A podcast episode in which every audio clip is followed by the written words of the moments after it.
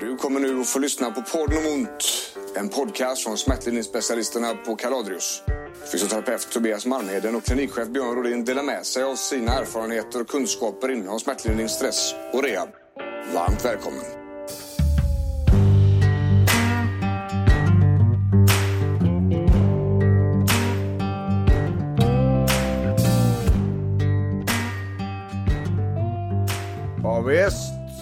Välkomna tillbaks. Podden om ont. Sa jag. Och idag är det dags för en så kallad Q&A. Det står för questions and answers. Ja. Det är kul. Det är en jävla amerikansk grej vi håller på med nu känner jag. Jag kände det nu. ja. Q Ja. and A. Det, det är så. Vi, vi fick till oss att det här borde man göra. Så vi gör ju som vi tillsagda. Alltså vi, vi kör ju då.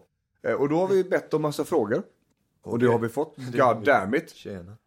Det har vält in frågor. En del. En, en del ja. Ja. Precis, och det tycker vi är jätteroligt. Eh, så, så idag så ska vi beta av en del frågor. Och så resonera en del runt de här casen då så att säga. Vi hinner nog inte alla. Nej, vi hinner nog inte alla Nej, vi inte. inte. Nej, precis. Men- Eh, och jag tänker att vi ska försöka göra så många vi hinner. Och ja, ska vi göra så eller? Ja. Då börjar vi med eh, första frågan. Rätt enkelt. Hur bör man eller inte bör man träna när man har reumatisk sjukdom? Då menar jag, eller frågeställaren, när man har som minst besvär av det. Då tänker jag att man ska träna så att man inte får mer besvär. Ja, men har man minst besvär, det finns ju de med reumatisk sjukdom som inte har besvär överhuvudtaget i perioder. Ja. De ska de ju träna så, så hårt styrketräning och konditionsträning som de kan. Kan. Ja. Och det är inte så att man, för, man förvärrar det inte genom att... Och, inte om det går i skov. nej. Det, då kommer det antagligen oavsett. Ja. Sedan så är det ju, det finns ju en faktor där man kan göra, göra sig illa genom att träna för hårt. Och att man, det är väldigt vanligt också att det här, nu är jag nästan bra, nu kör jag på och tar igen det jag inte hann tidigare. Ja, Väldigt lätt att gå över gränserna där. Va? ja, Eh, många som gör så. Men eh, en bra strukturerad styrketräning, konditionsträning eh, på en ganska hög nivå så att man inte blir sämre. Ja. Utan passa på under den tiden man är bättre och skapa de här fysiska goda grejerna så att man kan ta nästa skov bättre så att säga. Vi gör ju inte jättemycket skillnad på eh, olika typer av träning vid reumatisk sjukdom och när man är frisk. Utan det är bara olika nivå av styrketräning och kondition. Det är det som är grejen. Snarare än att man ska träna på ett helt annat sätt. och, och ju mer tränad man är när skoven kommer, desto bättre möjlighet har man att Ja. rida ut dem. Ja. Att man är bättre rustad är man för att ta emot smärtan och ju bättre rustad i kroppen för att hålla emot inflammationer och, och den typen av stök. Liksom. Ska man säga, ska man säga någon typ av, av eh, för att nu, nu pratar vi väldigt vida termer. Oh, ja. Men säg då kanske om du, om du verkligen går in för träningen så se konditionsträning fyra gånger i veckan, styrketräning tre. Ja. Det är en hög träningsdos. Ja. Eh, Det måste man inte upp till men det hade väl varit någonstans optimalt för en högpresterande tränande människa. Absolut, och när vi pratar om, det blir ju sju pass totalt, eller sju enheter totalt, men det behöver inte göras på varsin dag.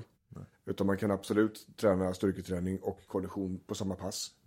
Man behöver bara ha olika inriktningar liksom. Och när det gäller träningen överlag då, så ska man alltid prioritera det eh, viktigaste först. Okej. Så om styrketräning är viktigast för mig så är det det jag ska göra först. Ja. Är det konditionen som är viktigast för mig, att jag är stressad, orolig, har liksom de här psykologiska grejerna som jag jobbar på för att få ner stress och så vidare. Då kanske, då kanske det ska ligga först då, konditionen.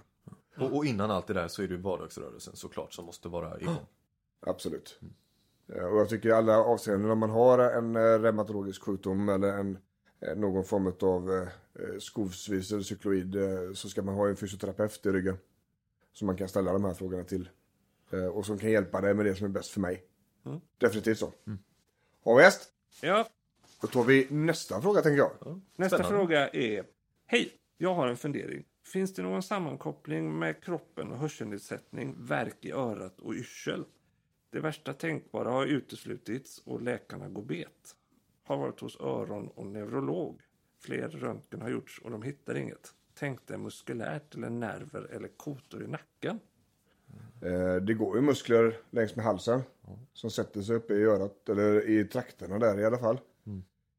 Vi, våran erfarenhet när det gäller sådana grejer som man inte hittar någonting på, det är att stress kan utlösa symptom som verkar helt vilda Ja. och helt skeva och som inte alls kan sättas i relation till vad området skulle förmedla så att säga på röntgen eller på undersökningar. Så i det här fallet så, så eh, hade jag nog i alla fall velat veta hur övriga livet ser ut. Finns det en stress? Finns det en jobbig livssituation? Finns det ett jobb som inte riktigt lirar? Finns det en sömnproblematik? Och så vidare och så vidare. Se om det går att provbehandla med att få ner stressen. För vi vet det när det gäller hörsel, tinnitus och stress. Det är kopplat ju. Det är kopplat vetenskapligt. Så vi kan få ner besvären i tinnitus genom att jobba ner stressen. Och, och det här är också liksom, är, har man gjort allting specifikt, Ja. då är det någonting generellt. Ja, Kolla, vi har pratat mycket om den biopsykosociala modellen. ja, Någonstans där hittar du ditt svar och antagligen lite i varje cirkel. ja. Det kan vara att musklerna är lite, teoretiskt nu då, rent hypotetiskt, det kan vara så att musklerna är lite spända i området så att det är känsligare. Det kanske finns en stress. Det kanske finns någonting i örat som inte går att se, att, att hela området är nedsatt. Tillsammans med att, att musklerna är spända liksom. Det, det finns ett många olika vägar att gå där. Men eh, vi saknar ju information om den, största, den största elefanten i det rummet och det, det är ju stressen. Definitivt så. Där hade vi nog börjat kolla om vi hade fått den till oss. Vad är ert bästa tips angående fibromyalgi om man har testat gjort det mesta? Fi- Fibron är ju intressant. Och, och det är där vi börjar egentligen i stort sett med alla kroniskt sjuka klienter som har smärta. Det är ju i, i pacingen. Det vi pratade om i stressavsnittet. Just det. Hur fördelar vi vår energi? För det är otroligt vanligt att människor med sjukdomar kör på för hårt. Och när man har kört på för hårt för länge, då behöver man gå ganska långt tillbaks. Man behöver backa bandet ganska långt för att hitta en nivå som funkar utan att det blir värre. Där är ofta, och det, det här är ett svar vi kommer att ge till liksom alla med fibro, fibromyalgi, reumatism, eller Danlos, MS, ME, rubbet alltså. man behöver hitta en nivå som är rimlig och man behöver ofta hjälp med det. För att man ser inte den nivån som en rimlig nivå utan man ser det som att man gör ingenting. Nej men här gör du ändå lite grejer. Det är lite vardagsbestyr här som du gör fram till lunch och sen är du knallfall i soffan. Okej, men vi behöver belysa hur mycket vardagsbestyren fram till lunch faktiskt innebär för dig. Det handlar inte om att du tränar eller att du jobbar. Det är fortfarande för mycket. Du säger att du har gjort avslappningsgrejer. Du säger att du har gjort eh, andningsövningar och sådär. Eh, och där, är, ju- där hade jag också velat veta, okej men hur har du fått in den typen av varande i livet? Mm. Det här med att faktiskt integrera övningar med hur man hanterar vardagssituationer. Ja. Det här som KBT ACT går in i och, och bara kollar, okej du, du kan andas med magen när du fokuserar på att andas med magen. Men är du högt upp i, i bröstet hela tiden, eh, alltså 16 timmar om dygnet minus de 10 minuterna du jobbar med magen. Då kan det vara så att du behöver bli lite mer medvetet närvarande Ja. i, eh, i vardagen. Ja. Jag hade en, eh, på tal om just det här med andas med magen. Jag hade en klient häromdagen där som har opererat sig i ryggen här och det går. Och så skulle vi göra en avslappningsövning och då känner jag i buken hur spänd han är. Alltså magen är hård. Och då frågar han, har du problem med gaser? Ja, lite grann sådär liksom. Okej, bra, men, men inte, nej men det är ingen kaos liksom. Nej, okej, men ändå är magen spänd. Och så ser jag på hans fysioterapiprogram som han har fått ifrån sjukhuset, eh, eh, postoperativa. Att där är det övningar som han ska hitta grundspänning i magen, släppa ut all luft, hitta trycket inifrån och ut, eh, spänna upp transversus abdominis som är viktig och sådär va. Men jag känner att hans buk är hård.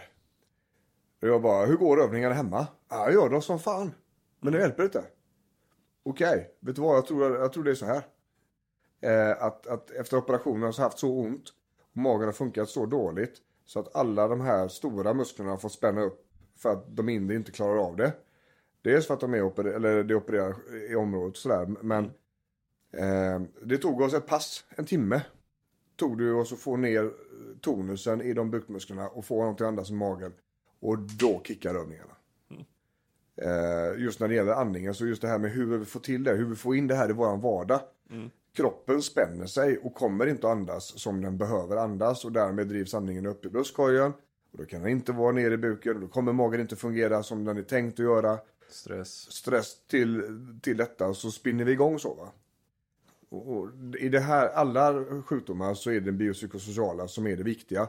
Det är helheten, det finns inga, Kommer inga enhörningar. det, kommer säga det tills vi dör. Ja, det, det finns inga enhörningar alltså. Utan det, det enhörningen finns i att helheten va. Så det är absolut så vi hade kollat. Det är en stor enhörning. Det är jävligt stort. Det är som en elefant med ett horn. Ja, Noshörning, vit. Ja, vingar. Ja. Smart. perfekt. Vi tar en ny fråga då. Jag skulle gärna vilja att ni tar upp problemet när man får ont av trokanterit. Jag har haft problem i över ett år på båda sidor. Vi kan vi, ska vi ta och börja med att förklara vad trokanterit är för något? Och det tycker jag verkligen ni ska göra. Ja, för det har Måns ingen aning om. Nej, jag, Take it away Tobias. Ja visst, så du har en, en benknöl på utsidan av höften som kallas för trochanter major. Ofta den man pratar om. Då, och på den ben, benknölen så fäster det in en massa muskler. Och eh, om du har trokanter och så har du någonting som heter it, eller itis bakom. Trokanterit. Då är det alltså en inflammation i omkring trokanter. Muskelfästena som fäster in där helt enkelt. Diagnosen har eh, ifrågasatts lite och det går att diskutera. Men eh, ont på utsidan av höften på den knölen, muskelfästen. Ja. Eh, Det, det kan vara besläktat med, med andra, andra tillstånd i området. Men om vi, om vi säger så här, vi utgår från att det är det då. Vad, vad, hur, vi, hur tar vi hand om det? Först så måste vi ju ta reda på, okej men vilka, vilka muskler är det som är, som är problematiska? Ja. Där är ofta sätesmusklerna. Ja. Som, som fäster in där på utsidan. Och varför är de då problematiska? Mm. Antagligen är de för spända Ja. och för svaga för att göra sitt jobb. Mm. Och eh, varför är de för spända och för svaga för att göra sitt jobb? Jo, du har inte tränat dem och du har belastat dem på ett dåligt sätt för länge. Ja, och i ett område som är smärtpåverkat Ja, också. ja hönan och ägget. Ja. Så man kan tänka sig att man kunde få mjukat upp sätet med massage eller lite eh, mjuk boll. Och sedan gjort eh, höftlyft från golvet som inte gör speciellt ont. Börjat där. Ja.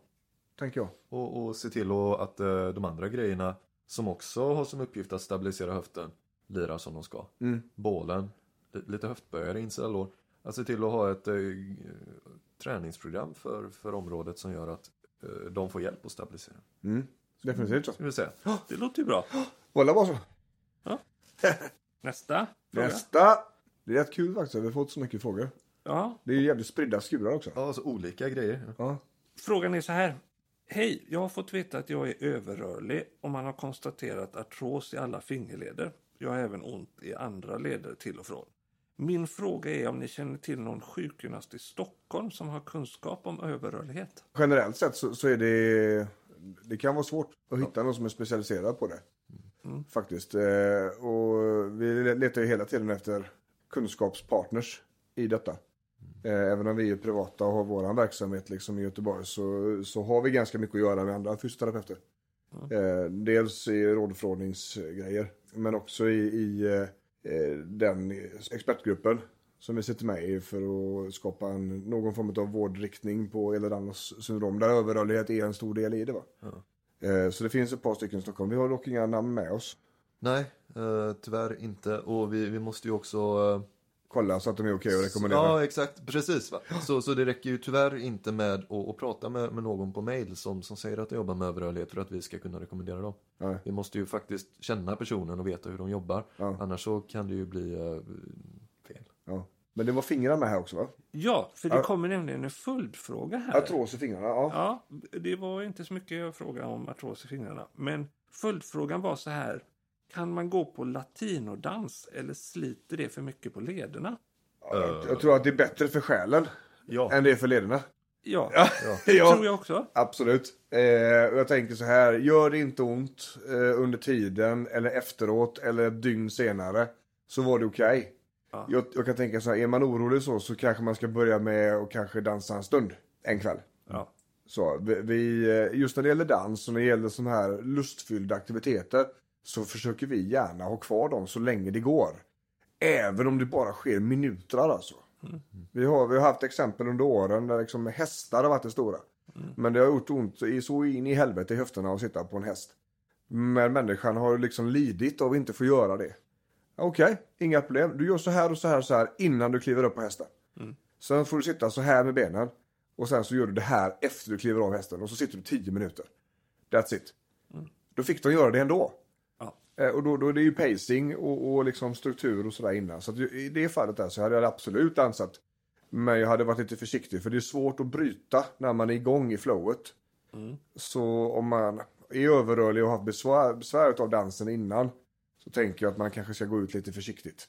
Och, och alltid när man testar någonting, kolla en sak i taget. Ja, Så att du testar den här dansen eh, i de här minuterna och sen så gör du ju såklart ingenting annat som också belastar fötterna under ett dygn efter ungefär. nej precis. Så det är det svårt att veta vad som är vad liksom. Ja, Ja. Det är inte så att man ger sig ut och springer direkt efter. Nej, men du vet, alltså, det kan vara så enkelt att jag först var och dansade, sen så handlade jag lite på vägen hem.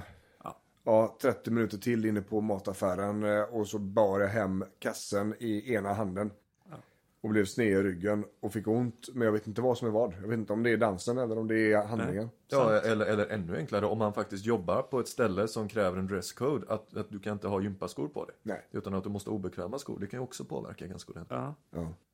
Jag, jag kan ta en fråga här emellan. Ja. Hej, hur kommer det sig att jag alltid får huvudvärk när jag försöker träna mage? Testat flera olika övningar men man måste alltid avbryta för att jag får huvudvärk runt näsroten. Försöker tänka på andningen och inte spänna ansiktet, nacke, halsen. Men det känns inte som att det gör någon skillnad. Det vet fan om jag har hört förut faktiskt. Just den. Har du? Ja, hur kommer det sig att det gör ont uppe i huvudet och ansiktet? Oavsett, hals, nacke, om vi tar alltihopa där liksom. När man tränar mage. Det är ju ofta det som, som personen beskriver. Att man, man spänner sig. Ja, Du, du, du försöker hitta, du, du vet all, alltid när man försöker göra en ny grej så spänner man sig i hela kroppen bara för att man försöker att, att hitta rätt, rätt spänning. Och eh, spänner man magen så spänner man ofta nacken, ansiktet också. ja, Det är en grej som händer. ja. Och, och det där kan vara väldigt, det kan vara att man behöver lägga sig på väldigt låg nivå till en början. Ja. Och man känner kanske inte alltid själv heller om man spänner. Nej. Eller om man är avslappnad. Ja, precis. Vilket är ju det är väldigt vanligt när det gäller överrörliga. Jag tänker så här också. När muskler går på, fel muskler går på vid fel övning. Då är det ju ofta så att de musklerna är väldigt, de tenderar ju till att alltid kicka. Inte, inte just i det här fallet, men, men om eh, kappmuskeln trapezius är en sån som alltid startar, man får alltid ont där. Då, då, går, då vill den gärna igång. Och så kan det vara med halsen och, och nacken också. Att den gärna spänner sig för att det gör den jämnt. Och så spänner den sig ännu mer när man ska göra en ny övning så att säga. Och, sen så är det ju också som du sa där, om man gör en övning, en sit-ups eller om man testar en massa saker där huvudet är fritt i luften Ja. och hänger antingen om ansiktet är neråt eller ansiktet är uppåt, då har man ju inget annat val än att spänna nacke halsmuskulatur. Nej. Annars så hade ju huvudet ramlat av. Liksom. Så Jävla dålig man stämning. får ju också se vilka övningar är det du har testat. Ja, absolut. Har du någonting gött där Måns? Hos dig? Jag har en till fråga. Kör! Say hello to a new era of mental health care.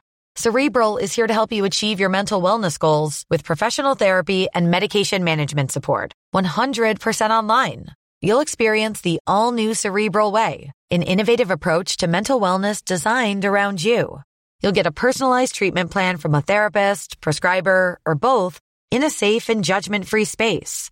Your Cerebral therapist or prescriber will outline a customized plan with clear milestones along the way so you can get to feeling your best. With Cerebral, you're not alone in your mental health journey.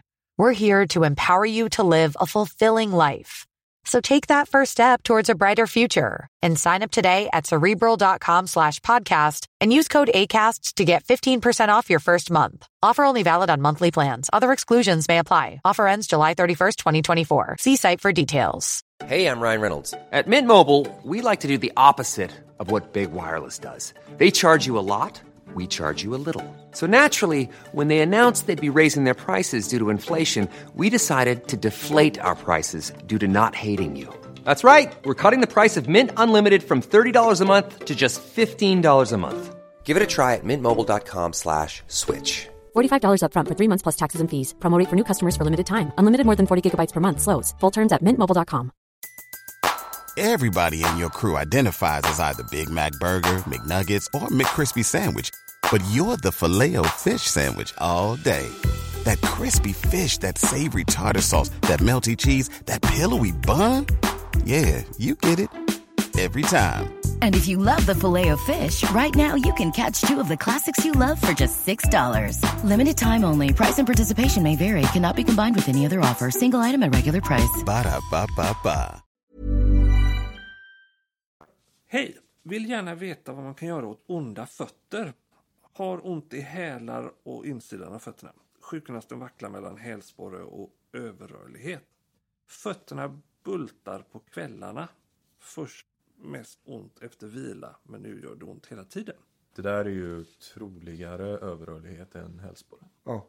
Att det bultar på det sättet. Kan du inte berätta hur, hur du tänker när du tar bort hälsporren ur diskussionen? För Ja. det är ju väldigt intressant. Ja, och det, det där handlar ju lite om i förra, förra avsnittet så snackade vi ju om, eh, om att man tar, tar en anamnes innan man gör en undersökning.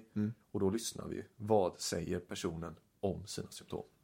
Och det här säger ju att, att det bultar, att det började med att bulta efter aktivitet men nu bultar det egentligen hela tiden. Det är inte så en standard hälsporre fungerar. Nej. Så då kan vi vara ganska säkra på att även om det finns en hälsporre där också, kanske eventuellt, så är det inte det som är huvudgrejen. Utan det är istället det här, det som kommer efteråt, det överbelastningsliknande grejen som nu har blivit så överbelastat att det bultar näst, mest hela tiden. Ja. Och där behöver man ju avlasta liksom. Ja, kolla av liksom. Och där, det är där det kommer, det är där pusslet kommer. Hade det varit en hälsporre hade det varit lätt. Då hade man tejpat den. Då hade man rullat med en golfboll och så hade man kanske kollat lite vader och, och balans. Och så hade det varit eh, hanterat sen. Mm.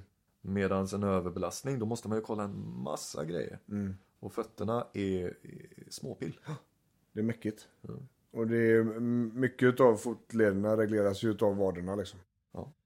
Eh, framsida, baksida vader. Ja visst, visst är det så. Och, och just hur, hur, vi, hur vi belastar över dagen. Var vi belastar på foten. Ja. Framsida, baksida, insida, utsida. Och det, det är också en grej jag tänker där när, när, det, är- när det är bultning och så här på kvällarna. Vad har vi gjort på dagen? Yes. Har vi gått i en butik? Har vi stått i eh, skeva skor? Har vi eh, promenerat mycket? Har vi gått, eh, ja, har vi belastat det så? Och så tänker jag så här. Första steget är ju att se över den typen av belastningen. Inför att man träffar en fysioterapeut, vilket absolut behövs, så behöver man också avlasta på dagen. Kanske byta skor om det är möjligt. Eh, ha med sig olika skor. Försöka inte stå så mycket på fötterna utan växla sittande och stående, sittande och stående. Vi har lite för lite information i frågan för att kunna ge ett skarpt svar. Där hade vi nog börjat. Efter, det, ja, ja, precis. Men det är antagligen mer. över, överrörligheten och den generella belastningen Ja, som är huvudfokuset. absolut. För det är, det är dåligt överensstämmande med hästspara. Ja, ja, ja. Fan, det här, ja, det här går ju bra Tobias. Se på fan du! Det, Det kunde man inte tro. Nej, shit. Nej. Det här är... Det, fan vilka grejer vet du. Ja, jag har en till. Kör. Om man har konstaterat mycket artros i ländryggen efter att de sett det under en operation. Hur ska man träna för att inte förvärra artrosen och minska smärtan? Vad bör man undvika? Du har opererat och sett artros i ländryggen. Men eh, av annan orsak tänker jag. Det tänker jag också. Ja. Opererat någonting och Så så de har öppnat det. och sett det. Ja, Ja. Det, det är ju, då, då kan vi gärna bolla tillbaka till artrosavsnittet. Ja, Eh, och gällande det segmentet med facettledsartros då. Där är en bra början. Men, men eh, man kan säga så här då. Va? Eh, man ska undvika i det läget så stötar och, och hopp och dunsar och sånt där. Det kommer säkert göra ont där. Vi behöver ha en väldigt stark mage. Eh, och eftersom man har opererat ryggen så har de också varit inne och påverkat magmusklerna. Det måste de. Vilket innebär att han har väldigt viktig rehab att göra i just i bålsäkring, bålstabilitet. Stod det någonting om vart i ryggen han opererade sig? Högt eller lågt? nej det står inte. Är det så att det är lågt ner så är det rumpa också. Så olika rövövningar tillsammans med magstabilitetsgrejer på olika sätt. Så fort det tillåts i rehabiliteringen efter skadan. Jag tänker att man opererar sig i ryggen av en orsak. Det, jag tror att orsaken nu är viktigare att ta hand om än eh, artrosen som de såg. Så, så gör det jättesnabbt men se till att fysioterapeuten vet om att det finns artros i ryggen. Och att man tydligt måste ha valt övningar som inte irriterar den. För då hönan och ägget där går inte att se skillnad på. Och någonting vi inte heller vet det är ju om, om den här artrosen som man har hittat är relevant överhuvudtaget. Det är, ju, det är ju exakt samma sak som att hitta en röntgen med artros. Ja, Det är mycket möjligt att du kan leva i 30 år utan att det där är några som helst problem överhuvudtaget. ja. Men viktigt att upplysa sin fysioterapeut om att Att det, finns, artros. ja. Jajamän. Ska, jag- får jag ta den här? Ja, du får ta. Den är lång. Den är avancerad. Oj. Eh, Jag, har- hallå, jag har problem med ländryggen. Har opererat ryggen för diskbråck för ett och ett halvt år sedan. Efter operationen så har jag kvarstående bekymmer med nerven ner i benet. Kramper och muskelryckningar. Jag har också mycket smärtor i ländrygg, höft och skinker. Efter operationen så har nya undersökningar gjorts som visar kotglidningar på nivå L4 L5. Eh, har även kraftig artros och vissen disk. Eh, efter en arbetsdag är jag helt sängliggandes. Ortopederna säger olika. En säger operation kan hjälpa till 50% men det är en stor operation med en steloperation. Minst två nivåer. En annan ortoped säger nej till operation. De säger också att jag kommer ha ont hela livet och får lära mig leva med detta. Känns hopplöst. Och tränat rehab sedan jag fick diskbråcket för tre år sedan.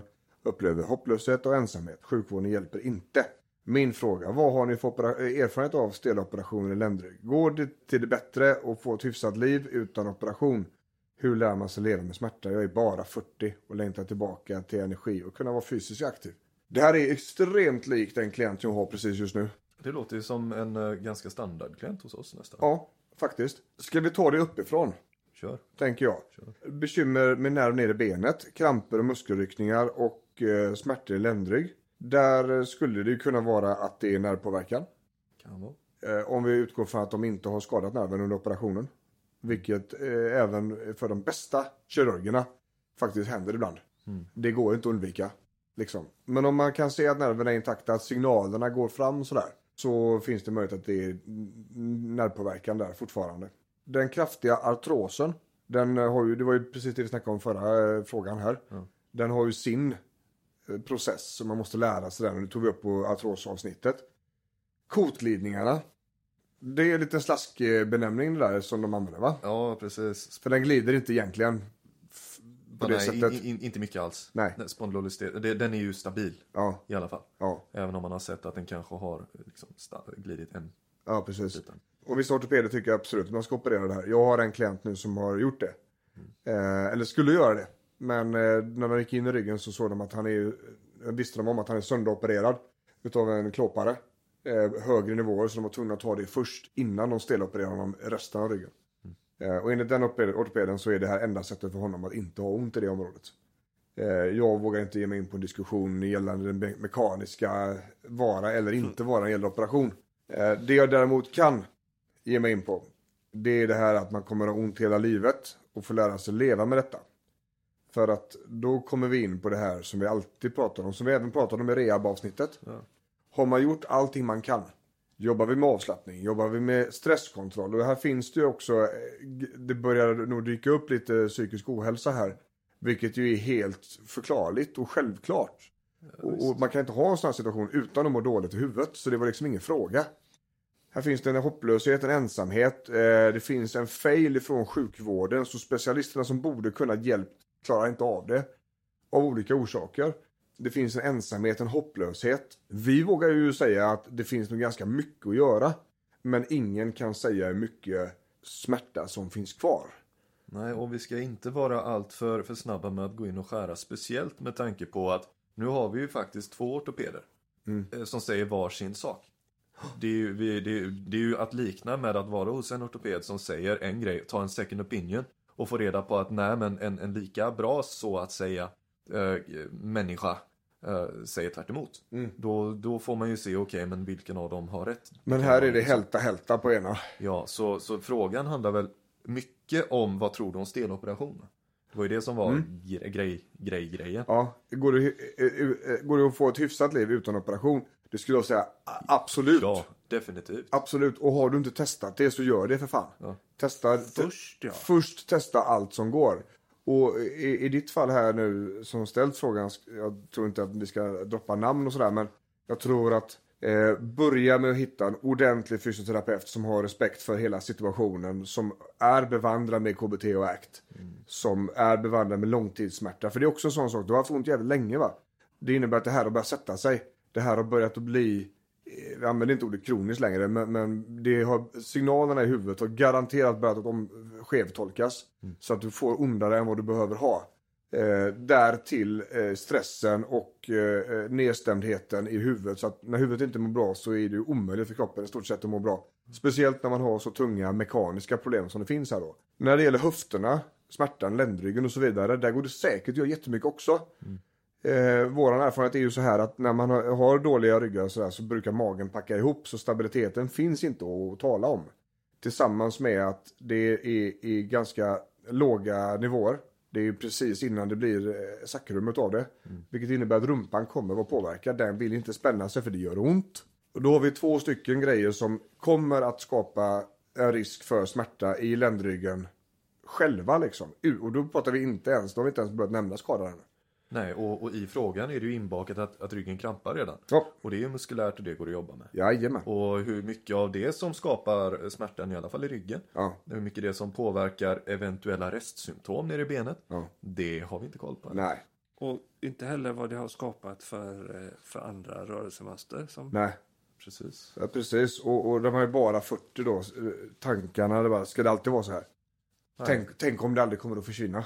Eh, så här, jag vill ha tillbaka energin, absolut. Eh, Så man behöver gå på alla olika delar den biopsykosociala modellen. Man behöver ta hand om det biologiska. Här finns det helt uppenbart saker att jobba på. Vi hör att det finns en hel del muskulärt, så där kan vi komma i ordning. Psykologiska, definitivt så. Vi har en ensamhet, hopplöshet, eh, så här en, en stress över att sjukvården inte hjälper och så vidare. Specialisterna failar. Enormt stort. Lever, det blir till en ensamhet i detta. Man är socialt väldigt utsatt i det här. När ingen kan göra mer än att bara klappa dig på huvudet. Så att här är alla olika delar på en gång. Och kan man få till det här i en och samma rehabilitering under ett och samma tak. Då säger jag att ja, vi skulle faktiskt kunna göra ganska mycket åt detta. Jag tror inte att du behöver lära dig leva med den smärtnivån du har. Du behöver inte finna dig i dagens smärtnivå. Eh, jag tror att det går att få till väldigt bra liv utan operation. Och i alla avseenden så ska vi i alla fall testa det först. 40 år är ingen ålder. Det ska inte vara färdiglevt nu. Och, och om det nu inte går att få under samma tak. Ja, Så tar det två olika då. absolut. Ta, en, ta en, en psykolog på ena hållet och en Ja. fysioterapeut på andra. Så det, det funkar liksom. Det Jajamän. Ska vi ta en till? Ja, hur långt eh, har vi gått på det? här Så långt har vi hunnit. Vad är... Vad är Titta, vi har hunnit en bit. Vi sa ju att det det här Q&A eftersom eh, vi trodde att folk eh, var trötta på att höra frågor. Att vi ska hålla lite kortare den här gången. Ja, ja. Alltså, det är väl, folk verkar ha väldigt problem med sin rygg, känner Ja. jag.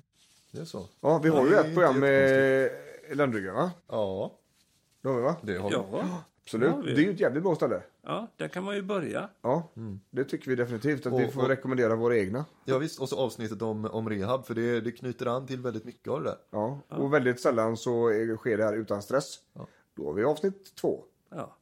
Så att, eh, Man kan få en liten eh, räkmacka serverad på Ja. tre avsnitt. Ja, absolut. Ta.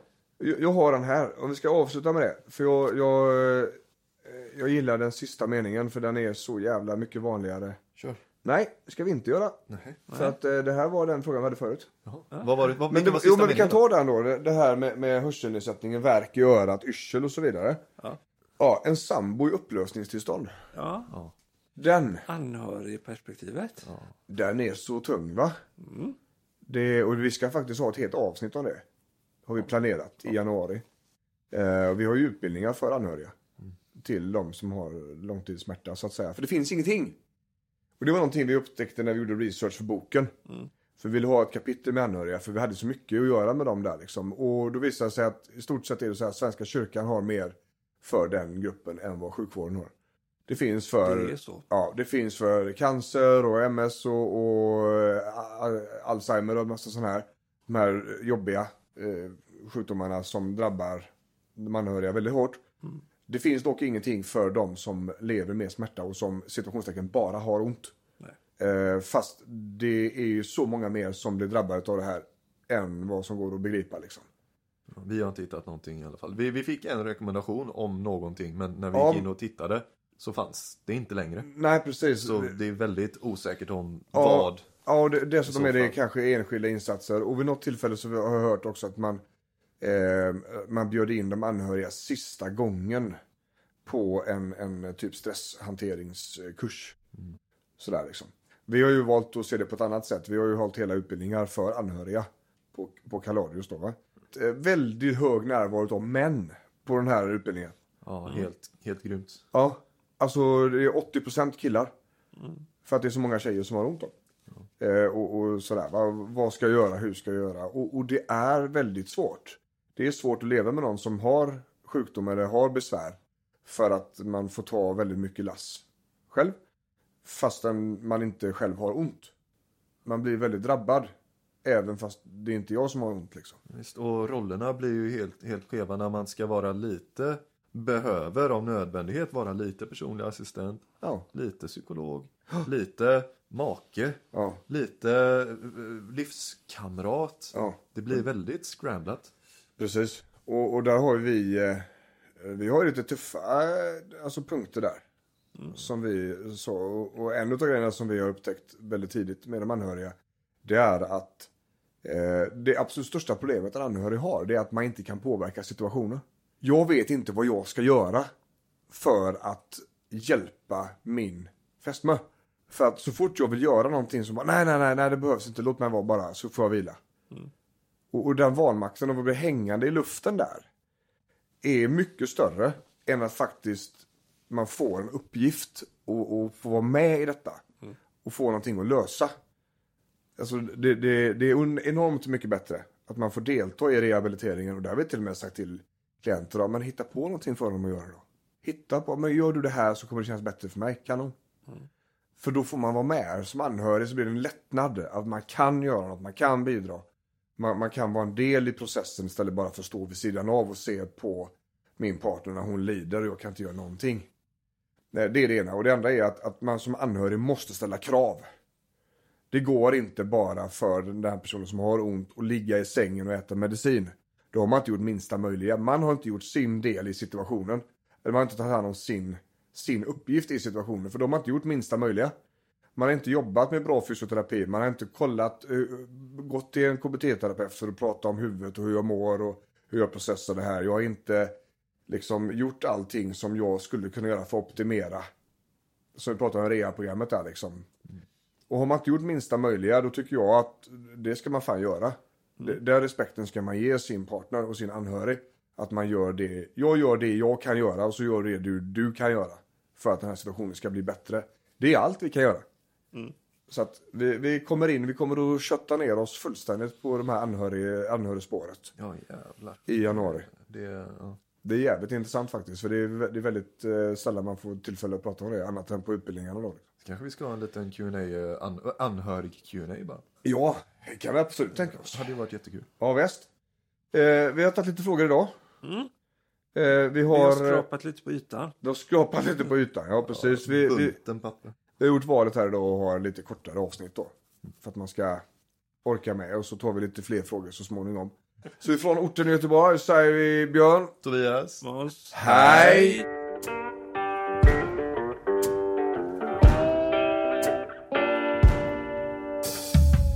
Du har lyssnat på podden om ont. En podcast om smärtlindring, smärta och stress från Kaladrius med Björn Rodin och Tobias Malmheden.